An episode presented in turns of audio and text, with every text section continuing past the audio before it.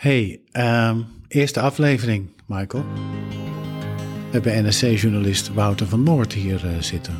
Ja, gaaf. Jij kent hem niet, of wel? Ja, ik volg hem al een tijd, uh, zeker op LinkedIn, uh, ook het NRC.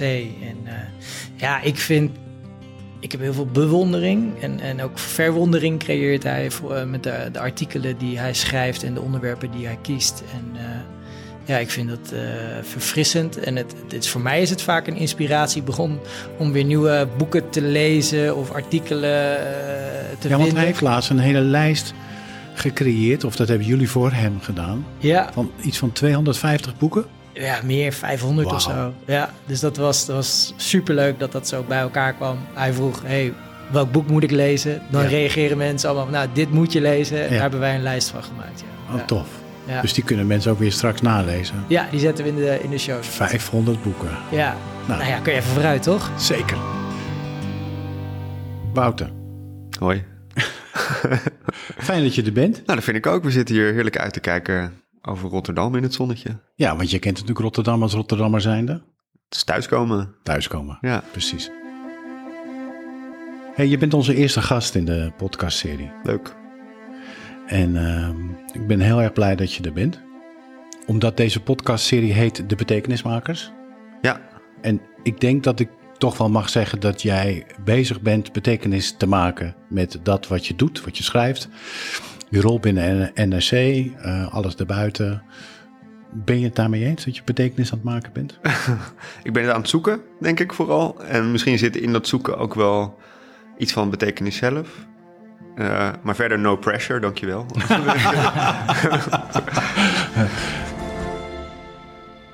Een vraag die ik dan wel, uh, of die we samen, Michael zit hier natuurlijk bij, uh, heb, is: wat zie jij nu als duiding als het gaat over hoe de planeet, de wereld, de samenleving niet alleen eraan toe is, maar ook waar we naartoe gaan?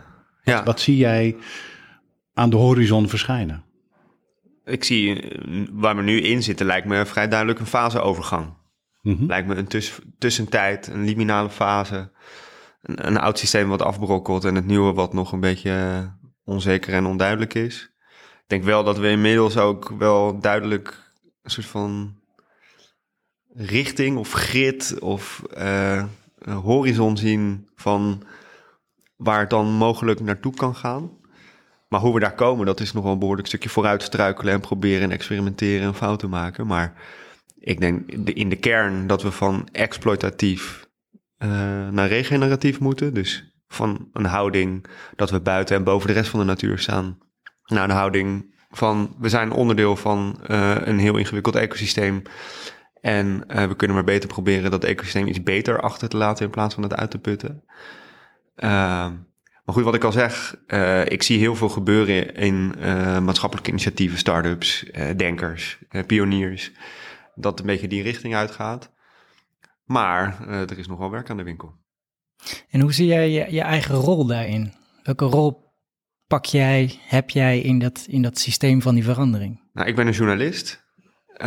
ik vind mezelf eigenlijk niet een standaard journalist in de zin dat ik uh, schandalen blootleg of tegels licht of uh, probeer met mijn producties uh, de macht per se te bevragen. Ik ben meer een soort van curator, curator van ideeën. ik maak voor NRC een podcastserie Future Affairs, een nieuwsbrief Future Affairs, waarin ik elke week probeer te kijken waar gaat het nou naartoe en welke initiatieven leiden ons daarheen. Dus uh, ik probeer te kijken naar de grote vragen van nu. De ecologische transitie waar we in zitten. Uh, laatst het ook weer kunstmatige intelligentie, wat toch ook wel weer heel veel op zijn kop zet. En ook wel raakt aan vragen over onze verhouding tot technologie en dus ook de natuur. Zeker. Um, en wat ik voor mezelf ook een beetje duidelijker heb gekregen de laatste tijd, is wat ik denk ik vooral probeer te doen, is voorbij de tegenstelling te komen tussen pessimisten en optimisten. Dat heb je heel vaak in die klimaatdiscussie vooral. Dat zijn of de mensen die denken, oh, technologie gaat alle problemen wel oplossen. Of de mensen die denken, we gaan er allemaal aan en het wordt één grote apocalyps. Ik denk dat er een soort derde weg mogelijk is. En dat is de weg van de hoop. Het klinkt misschien een beetje... Soft. Uh, soft, een beetje stichtelijk, Evangelisch. maar uh, ik denk dat dat wel een beetje de kern is. Ik zoek naar de... Ik, ben best, ik kan best pessimistische buien hebben. Ik, ik kan ook best wel apocalyptisch nadenken over... Jeetje, kijk naar al die veranderingen op de horizon. Dus ik ben echt niet per se van, van nature een optimist. Maar ik ga wel op zoek naar waar zitten dan de, de gloeiende kooltjes van de hoop. Welke initiatieven, welke mensen, welke ideeën uh, leiden nou wel naar een goede kant? En hoe kan ik daar een rol in spelen? Misschien door er wat meer een licht op te schijnen, wat meer zuurstof te geven, zodat het kooltje wat harder kan gaan gloeien. Maar dat betekent dus dat er genoeg kooltjes zijn. Ja, maar die zie of je... die jij ziet in ieder geval. Ja, die zie ik ook wel veel. Ik denk dat als je... Uh, je moet daarvoor wel een soort van proberen soms de ruis uit te zetten. Er is natuurlijk heel veel ruis. En mensen slaan aan op angst. En de algoritmes die leiden ons naar polarisering. En naar tegenstellingen. Uh, en dat is wel ruis die je een beetje actief moet ontvluchten. Maar als je, als je die weet uit te zetten...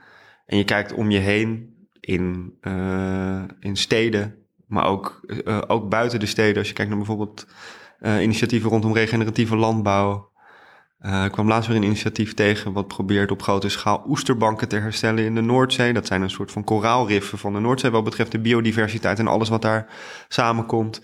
Uh, ook die staan heel erg onder druk, maar er zijn allerlei start-ups en pioniers bezig om die te herstellen en daar modellen voor te bedenken en te bedenken hoe je van symbiose ook een verdienmodel kan maken.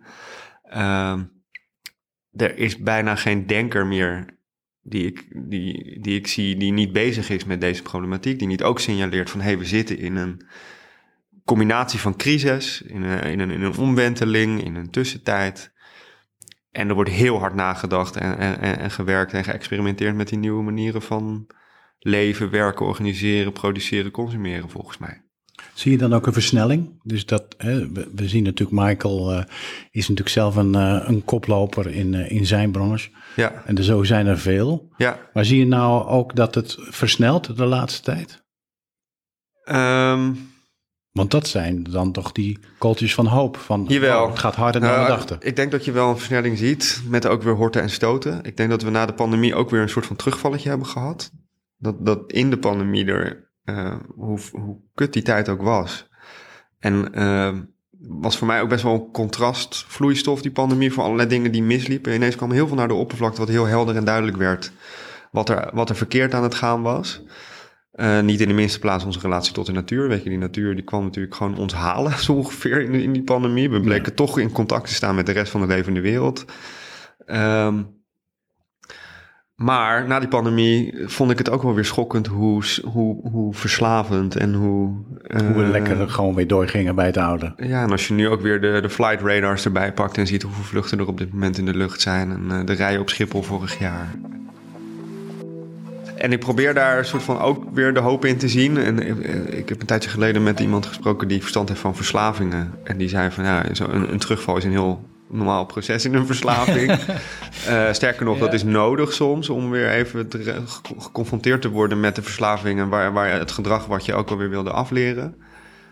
Uh, maar het is wel, de, de tijd dringt natuurlijk wel. Ja. Laten we daar ook niet. Uh, hoop betekent niet dat je blind Naïef bent voor. Nee, het is juist niet naïviteit. Hoop, hoop is in principe hard werken.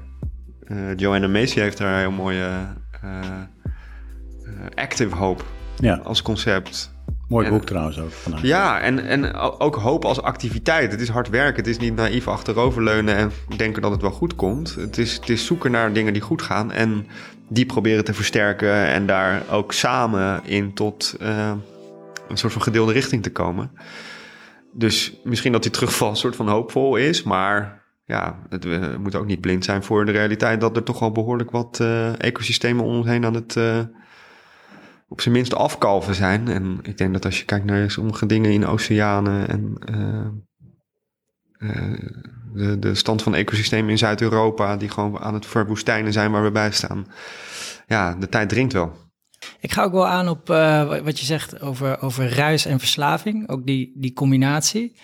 En de aanleiding is, een aantal jaar terug was ik bij een, een workshop van een quantumfysica professor, een hele goeie. En ik uh, begreep ongeveer uh, 0,1% van wat hij aan het vertellen was. Maar er is één ding bijgebleven. En op een gegeven moment vroeg hij ook aan ons zo van... Ehm, wat is nou de grootste uitdaging van onze tijd? Ja. En iedereen begon over natuurlijk opwarming van de aarde, de, de, de, de plastics in de, in, de, in de oceaan. En, ja. uh, en op een gegeven moment zeiden we van ja, dat zijn allemaal de, de uitdagingen, maar de grootste uitdagingen zijn onze gedachten. Dus hij tekende ook een lijn Grappig, gewoon ja. van de hoeveelheid input die we krijgen versus gewoon hoe onze biologie, ons brein eigenlijk werkt. En hij zei wat we aan het doen zijn, we zijn letterlijk ons brein aan het koken. Hè? Ja. Dus de hoeveelheid input, eh, gedachtes. En inmiddels zijn we inmiddels ook zover dat we volgens mij kunnen meten dat een gedachte letterlijk energie is. Ja. En dat dat dus zorgt voor die ruis. En hoe, hoe linkte hij dat aan zijn bevindingen in de natuurkunde? Want dat fascineert mij mateloos. Voor mij is dat ook een soort van wormhole Ja. waar je inkruipt en waar je inderdaad de meerderheid niet van begrijpt. En toch hele fascinerende dingen ziet die op een of andere manier raken aan die vraag van wat is onze rol in het grotere geheel? Wat is de rol van ons, ons bewustzijn uh, in, de, in het creëren van die realiteit? Maar wat, wat, zei hij daarover? Weet je dat nog? Nou, het is eventjes geleden. en, en dan wil ik zeggen, het was ook uh, Italiaans-Engels, dus het was ook nog uh, een extra uitdaging.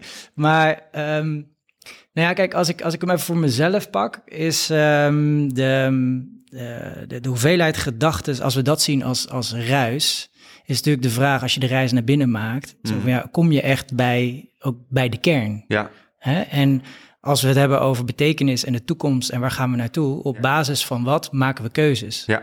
En als die ruizer is, dus we staan alleen maar aan en we staan alleen maar aan de buitenkant aan, ja, ja dan maken we dan keuzes vanuit een bepaalde intelligentie of vanuit een bepaalde wijsheid. Nou ja, vanuit, ja ik, denk, ik denk dat die ruis ervoor zorgt dat je de hele tijd wordt afgeleid van, Precies, van ja. uh, ook je eigen kern. Uh, dat merk ik zelf ook. Uh, prikkels in de omgeving, sowieso, ik ben best wel verslaafd aan mijn smartphone. Dat lijkt Ja. me af van mijn kinderen. Hoe dom is dat? Ja. Uh, als je hebt ook nog een boek over geschreven, toch? Ja, ja. Wel, ja nee, ik ben echt uh, over terugvallen gesproken. verslaafd, ja. ja. Uh, dus ja, en het interessante vind ik dat, dat dit volstrekt duidelijk is al millennia lang in allerlei wijsheidstradities dat stilte, rust, uh, inderdaad introspectie en even de, de ruis van de wereld buitensluiten op gezette tijden, dat dat essentieel is om uh, tot goede beslissingen te komen, tot een betekenisvol leven te komen. Maar dat het in deze tijd wel extra moeilijk lijkt. Ja, want inderdaad, de tweede is natuurlijk het verslavingscomponent. En er komt een stukje technologie denk ik ook nog bij kijken.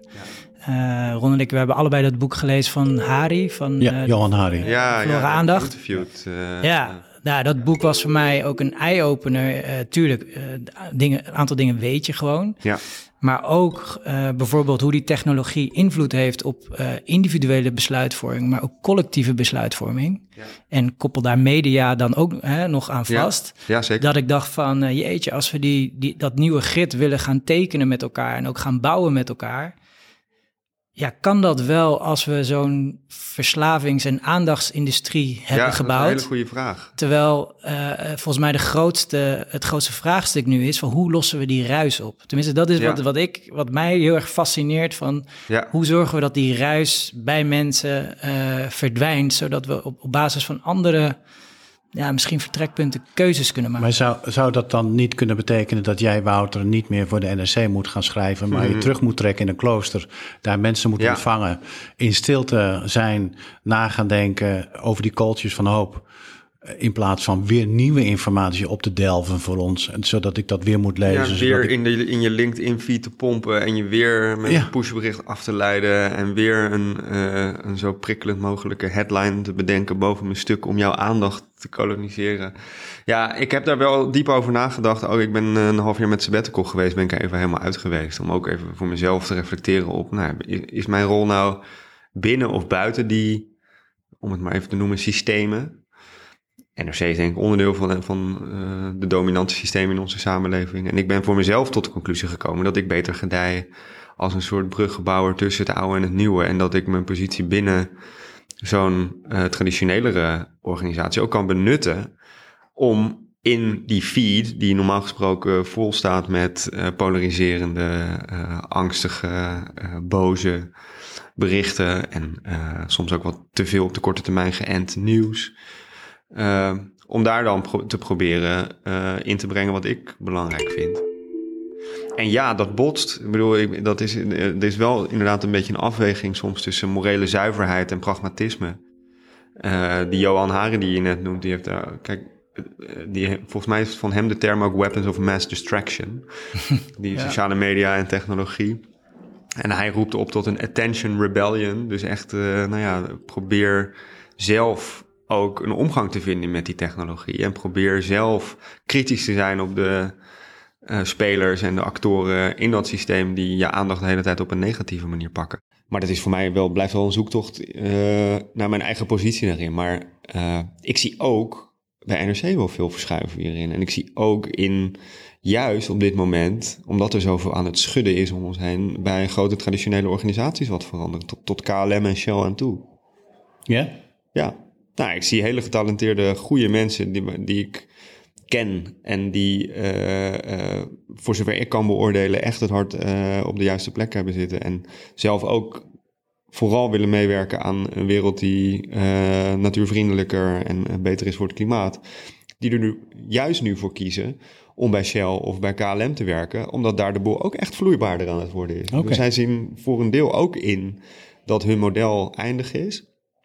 En tegelijkertijd, en dat vraag ik ook aan die mensen als ik ze spreek, van ben je niet bang dat je toch door die prikkels die in dat systeem zitten, van kwartaalcijfers, van winst, van een bonus, van een heel comfortabel uh, leventje, dat je daar niet toch door verleid raakt en weer afgeleid raakt van die kern waar, waar het om gaat. Maar dan lezen ze jou weer en dan worden ze weer in het rechte spoor nou, ja, dan lig je me echt wel weer te veel, uh, veel, veel invloed toe.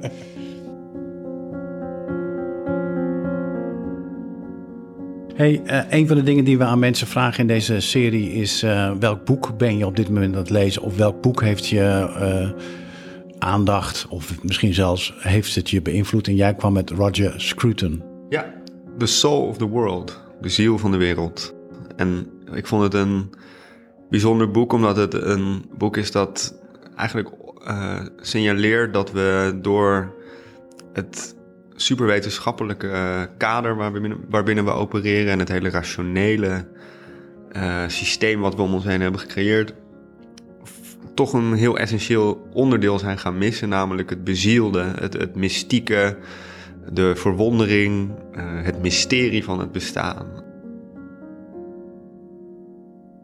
En ik denk dat hij daar een hele belangrijke kern te pakken heeft. Dat we inderdaad in de afgelopen nou, pak een beet. Het is ook best wel kort. Hè? Uh, het is maar 150 jaar dat die secularisering echt een vaart heeft genomen. Uh, het is pas sinds vorig jaar dat in Nederland de meerderheid van de mensen zich identificeert als seculier, dus niet meer religieus. Dat we echt in recordtempo alle structuren hebben afgebouwd die een beetje dat heilige, dat eeuwige, het mystieke voor ons organiseerden. Vaak met goede reden. Ik, ik denk dat ik uh, netto gelukkig ben dat ik niet meer onder het juk leef van een kerk.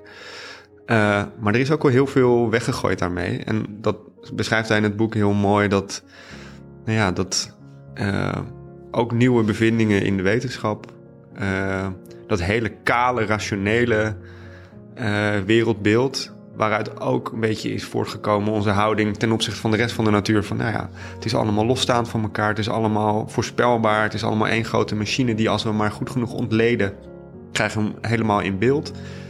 Dat blijkt juist in de wetenschap nu totaal anders te zitten. Blijken veel meer relaties en verbindingen te zijn.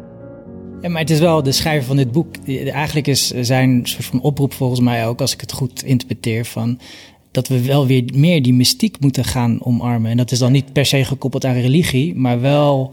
Uh, dat zit in kunst, in muziek, in, in, wat sommige dingen die we niet kunnen vatten, ja. om, om, om daar weer meer mee bezig te zijn. Ja, ja, daar, ik denk dat dat heel belangrijk is. Dat je dat ook ervaart. Dat als je uh, je laat leiden door inderdaad die ruis en die prikkels de hele tijd. Die leiden je daarvan af. Dat is, het zijn allemaal heel erg op je denken gerichte prikkels. En op, op impuls gerichte prikkels. En het leidt je wel eens af van het lichaam. Alleen al die smartphone. Er was een fenomeen laatst wat ik tegenkwam. Dat heet uh, schermapneu. Dat als je lang op je scherm zit, dat je een bepaalde vertraging krijgt. Dan wordt je ademhaling iets oppervlakkiger. En soms sla je dan een ademteug over. Wat uh, volgens de, de, onderzoekers die die term uh, uitplozen, een teken is dat we tijdens het op ons scherm zitten zo in ons hoofd bezig zijn dat we dat hele lichaam vergeten. En heel die connectie met het lichaam en kunst en muziek en uh, het, het mystieke zit toch meer in die adem, in, in uh, het bewegen, in het, in het lichamelijke. Uh, en ja, ook daarin weer die wetenschap. Ook die wetenschap herontdekt het lichaam als plek waar uh, ook onze geestelijke gezondheid wordt gecreëerd. En als we niet goed voor ons lijf zorgen, zorgen we ook niet goed voor ons denken. En ook dat is veel dieper met elkaar verbonden dan uh, we soms wel eens aannemen. Dus er zit heel veel waarde in. Die prikkels ontvluchten, de schermen af en toe eens uitzetten, hoe moeilijk dat is. En het lukt mij ook echt niet altijd. Ik geloof wel erin dat er, uh, uh, dat er inderdaad zo'n soort van spiraalontwikkeling zit, in ieder geval in individuele mensen, waarbij elke bril die je tijdens een bepaald onderdeel van die spiraal opzet. En inderdaad, als je jong bent, is dat eerst uh, dat je je ego moet ontwikkelen. Daarna zoek je houvast in structuren en misschien wat verhalen en mystiek. Daarna uh, zoek je het meer in groepsidentiteit. En steeds meer kan je een soort van stapje groeien naar uh, denken in systemen.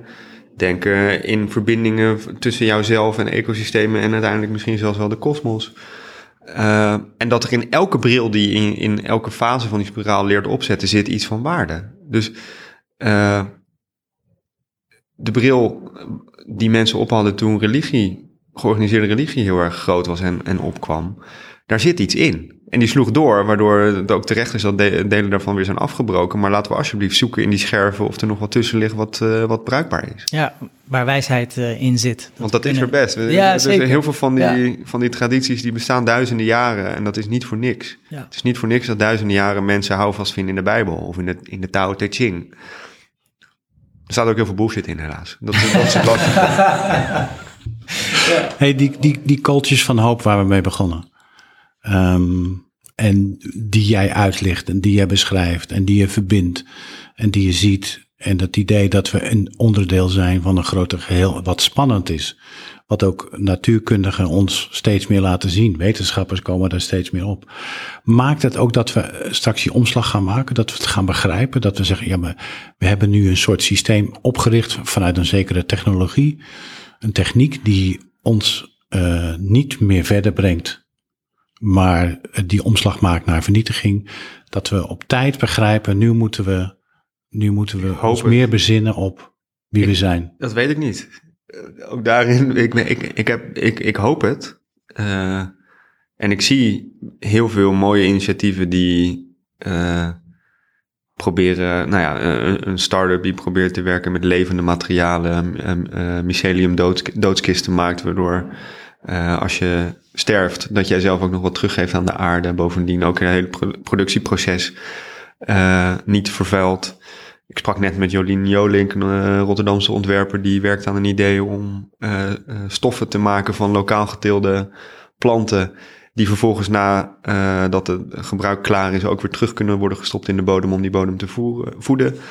Echt andere modellen, andere manieren van kijken die nou ja, veel meer rekenschap geven. Dat we onderdeel zijn van zo'n ecosysteem. Dat we er ook wat aan terug moeten geven. Dat we niet alleen maar kunnen nemen uh, en vernietigen. Daar krijg ik hoop van. Maar waardoor ik het echt niet weet, is een uh, uitzending van gisteren of van, van onlangs van uh, de Keuringsdienst van Waarde over het vangen van vis en het eten van sliptongetjes. Waarbij als bijvangst per sliptongetje ongeveer 40 vissen weer dood of bijna dood de zee in worden gegooid als bijvangst. Wat dus betekent dat je voor één portie sliptongetjes, wat er meestal drie zijn, 120 dode dieren hebt veroorzaakt. En dat is, ja, dat is een systeem dat gewoon nog uh, lekker doordraait. Dus ik zie heel veel hoopvol opkomen. Uh, maar ik zie ook wel dat de machine die doordraait de verkeerde kant op ook wel heel heftig is. Dus daarin, ja, ik ben, ik ben dus niet pessimistisch of optimistisch. Ik denk niet per se dat het hoeft niet goed te komen. Maar ik denk wel dat er mogelijkheden zijn dat het goed gaat komen. En dat we ook misschien wel een soort morele plicht hebben om te kijken hoe dan. Want het begint wel een beetje in een fase te komen dat de essentiële voorwaarden voor het leven op aarde, voor mensen in elk geval, wel aangetast worden. Of in ieder geval wel, wel moeilijker gaan worden. En hoe, hoe bewaak jij voor jezelf, even uh, als Wouter, uh, ja, de balans tussen ja, niet te cynisch worden en misschien niet te naïef en hoopgevend? Hoe, hoe is dat voor jou? Ja, ik, ik, probeer daarin. Ik, ja, dat is een beetje een zoektocht ook, moet ik zeggen hoor. Ik merk ook dat als ik dan. Voor mezelf is het ook. Laatst werd het een beetje duidelijk ook in, in een gesprek met toevallig een, een theoloog en econoom, een hele grappige combinatie, uh, Jan-Jorrit Hasselaar van de VU. Die gaf me een beetje dat handvat om na te denken over hoop ten opzichte van pessimisme uh, en, uh, en optimisme. En toen heb ik een beetje zitten nadenken van oké, hoop, dat is dus een beetje de rode draad door veel van wat ik doe. Dat is ook van waar ik zelf energie van krijg. Dat wordt het dan. Ik ga het allemaal gooien op de hoop. Maar ja, dan word je zo'n blij ei. en dat is ook niet realistisch. Ik probeer daarin ook een beetje te varen op mijn eigen kompas. En is dat dan de journalist in jou die dan eh, een beetje daar eh, tegen gaat hangen? Ja, denk het wel. Maar ik ben behalve journalist ook gewoon mens. En uh, ik denk ook dat het in mijzelf zit om, ja, ik heb best wel een hekel aan blije eieren. Ik heb best wel, uh, ik word, ja, ik, ik, ik heb veel, uh, ik kijk met interesse naar initiatieven die bijvoorbeeld allemaal goed nieuws de wereld in willen uh, helpen. Maar dan denk ik wel, ja, je mist wel een deel van de realiteit. En ik geloof jou op een gegeven moment niet meer, want uh, je, schetst niet een realistisch beeld van wat er aan de hand is. Dus ja, ik deel ik deel ook in mijn werk over die uh, sliptongetjes. Want dat is gewoon ook iets reëels wat aan het gebeuren is. En dat schetst ook decor waar die hoop nog urgenter wordt. Dus ik probeer me te richten op de hoop zonder, zonder de realiteit uit het oog te verliezen. Maar ja dat, is, ja, dat is zoeken. En soms heb ik ook een blinde vlek. Of uh, ik vond het werken tijdens de pandemie uh, ook heel ingewikkeld, omdat ik vond dat de journalistiek allerlei uh, steken liet vallen en mensen in een hoek wegzetten en bepaalde geluiden heel erg negeerde. Of, Welke rol denk je of vind je dat de media zeg maar, in het hele ecosysteem ja, zou moeten, moeten gaan pakken om, als we die transitie willen maken naar een betekenisvollere leven, systemen. Dus de media is natuurlijk een ontzettend belangrijk. Uh, is eigenlijk een beetje de lijm ook van een, van een samenleving. Ja. Uh, en die hebben nu een bepaalde rol. Als je dan hebt even over het kapitalisme, mm. dat is natuurlijk waar het op drijft. Hè? Dus ja, dat gaat ook, over, uh, gaat ook over aandacht en nou ja, het, het, het, naar, naar, naar binnen trekken van, van mensen en, en tijd. Um, ja, welke, welke, rol, welke rol zouden ze eigenlijk moeten nemen voor die, voor die nieuwe fase? Ja, dat is, dat, is, dat is de kernvraag, waar we ook veel over nadenken, ook wel bij NRC. Uh, je hebt natuurlijk gelijk dat uh, een heel deel van het verdienmodel is gewoon kapitalistisch. Is, uh, we hebben nog steeds advertenties van Shell en advertorials voor vliegreizen, waar ook steeds meer discussie over komt trouwens op de redactie. we richten ons op kliks, ja, dat is zo. En ook daar weer een beetje zoeken naar de hoop. Er zijn vooral bijna alleen maar hele bevlogen, integere mensen in de journalistiek aan het werk die echt proberen de waarheid boven tafel te krijgen. En ik denk dat we soms wel eens wat te veel afdrijven naar dat korte termijn denken en die impulsen en de dingen die goed scoren op sociale media, namelijk, nou ja, dat zijn toch een beetje de, de schandaalachtige dingen, de, de angst, de polarisering. Terwijl we zouden ook gewoon betere gespreksleiders kunnen worden in een samenleving. Ik denk dat dat ook een hele belangrijke rol is. Mijn collega Karel Smouter uh, heeft het wel eens op die manier mooi benoemd. Van we, we, moeten ook weer leren om een betere gespreksleider te zijn. Om te voorkomen dat, dat bevolkingsgroepen uit elkaar drijven. Door ook te vinden wat ze bindt. En uh, niet om daar ook weer als een blij ei tussen te gaan staan, want het komt allemaal goed. Reële tegenstellingen moeten wel benoemd kunnen worden, zeker door de journalistiek. Maar wat meer tussen het publiek gaan staan en uh, het gesprek organiseren. Uh, daarin misschien ook net iets meer uh, te sturen op hoopvolle en verbindende dingen in plaats van angstige en polariserende dingen. Ik denk dat dat wel een uitdaging is waar we voor staan en waar we echt nog niet zijn. Die, die slag moet nog wel gemaakt worden in, zeker als je kijkt naar de grote institutionele media zoals de NOS, NRC, Volkskrant. Ja, dus eigenlijk de, ben zelf ook wel fan van, van mycelium en, en schimmelnetwerken. Ja, vet, hè? Dus, Ja. eh, dus, dus eigenlijk als je zo naar je luistert, zo van, eigenlijk zouden media zich meer als een soort van mycelium-netwerk in de samenleving kunnen verbinden. Nou, ik denk dat als je die metafoor pakt, media zijn denk ik in de aard wel de paddenstoelen. We zijn wel de dingen die eruit springen uit zo'n myceliumnetwerk. En dat, en dat kun je ook benutten. Het is niet dat we ineens onszelf moeten opheffen en helemaal eh, terug in dat netwerk moeten. We, hebben Ze een, zijn nodig. we hebben een enorme spotlight die we op dingen kunnen zetten. We hebben, een- we hebben een hele grote eh, megafoon waar we geluiden mee kunnen versterken. Eh, alleen het model is nu wel heel erg top-down geworden, vind ik. We- Er is iets in de journalistiek waardoor we soms een beetje te veel denken dat wij alles moeten weten, ook van tevoren, en dan feiten moeten checken. Niet, niet dat dat niet belangrijk is, maar daar gaat vaak een soort van eh, afgemetenheid. Of, eh, het gaat uit van een precisie van de feiten die er vaak niet is. En het staat in de weg dat we juist vanuit niet weten, nieuwsgierig en open, vol verwondering die samenleving ingaan of de natuur ingaan en daar verslag doen van wat we zien. En eh, nou ja, ik hoop dat we daar een beetje dat, dat, dat, ook wat meer vaart krijgt. Want dat is wel, ik denk dat mensen daar naar snakken. Dat mensen ook, eh, mensen die kritiek hebben op media, vaak dit noemen. Van ja, we vertrouwen media niet meer, want de belangen die daar spelen, de vooringenomenheid, de, de gerichtheid op, eh, op hype en korte termijn en het elkaar napraten. Ehm, ik denk dat mensen daar best wel zat van zijn. En dat een goede gespreksleider zijn, wat meer onderdeel worden van je publiek, eh, wat meer zoeken naar die hoop, dat dat best wel een richting is die verbetering kan Ja. brengen. Nou, in die zin heb jij je rol vandaag wel gepakt. Vind je? Ja, Ja? ja dat meen ik. Ja.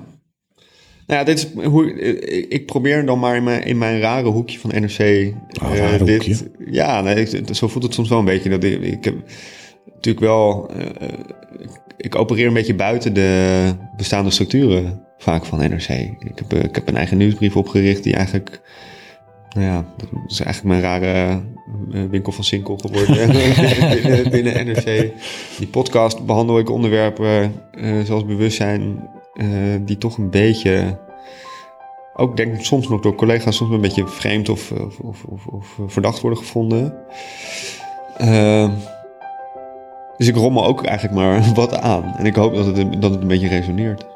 Nou ja, Karel Appel rommelde ook maar wat aan, maar die kwam heel ver door. ja, ja, ja, ja. Nou, daar ben ik nog niet hoor. Maar Dankjewel. jullie ook. Dat was een leuk gesprek. Yes. Michael, dit Ron. was aflevering 1 met Wouter van Noord. Ja, Happy? zeker. Was fijn. Goed Mooi. gesprek, hè? Inspirerend. Ja, goede gast. Goed verhaal. Goed hart. Goed hart. Maar ehm, we gaan naar aflevering 2 hierna. Zeker. Wie hebben we als gast? De volgende gast is Shinta Oosterwouw. Econoom. Schrijfster van het boek Thrive. Samen Hele- met Kees Klomp. Zeker. En een hele bijzonder mens. Dus eh, ik verwacht veel van dat gesprek ook. Ja, ik ook. Kijk ernaar uit. Nou, luisteraars, volg ons. Eh, en eh, als je dit gesprek goed hebt gevonden, als je geïnspireerd bent, volg ons naar het tweede gesprek en alle gesprekken die daarna gaan komen. Zeker doen.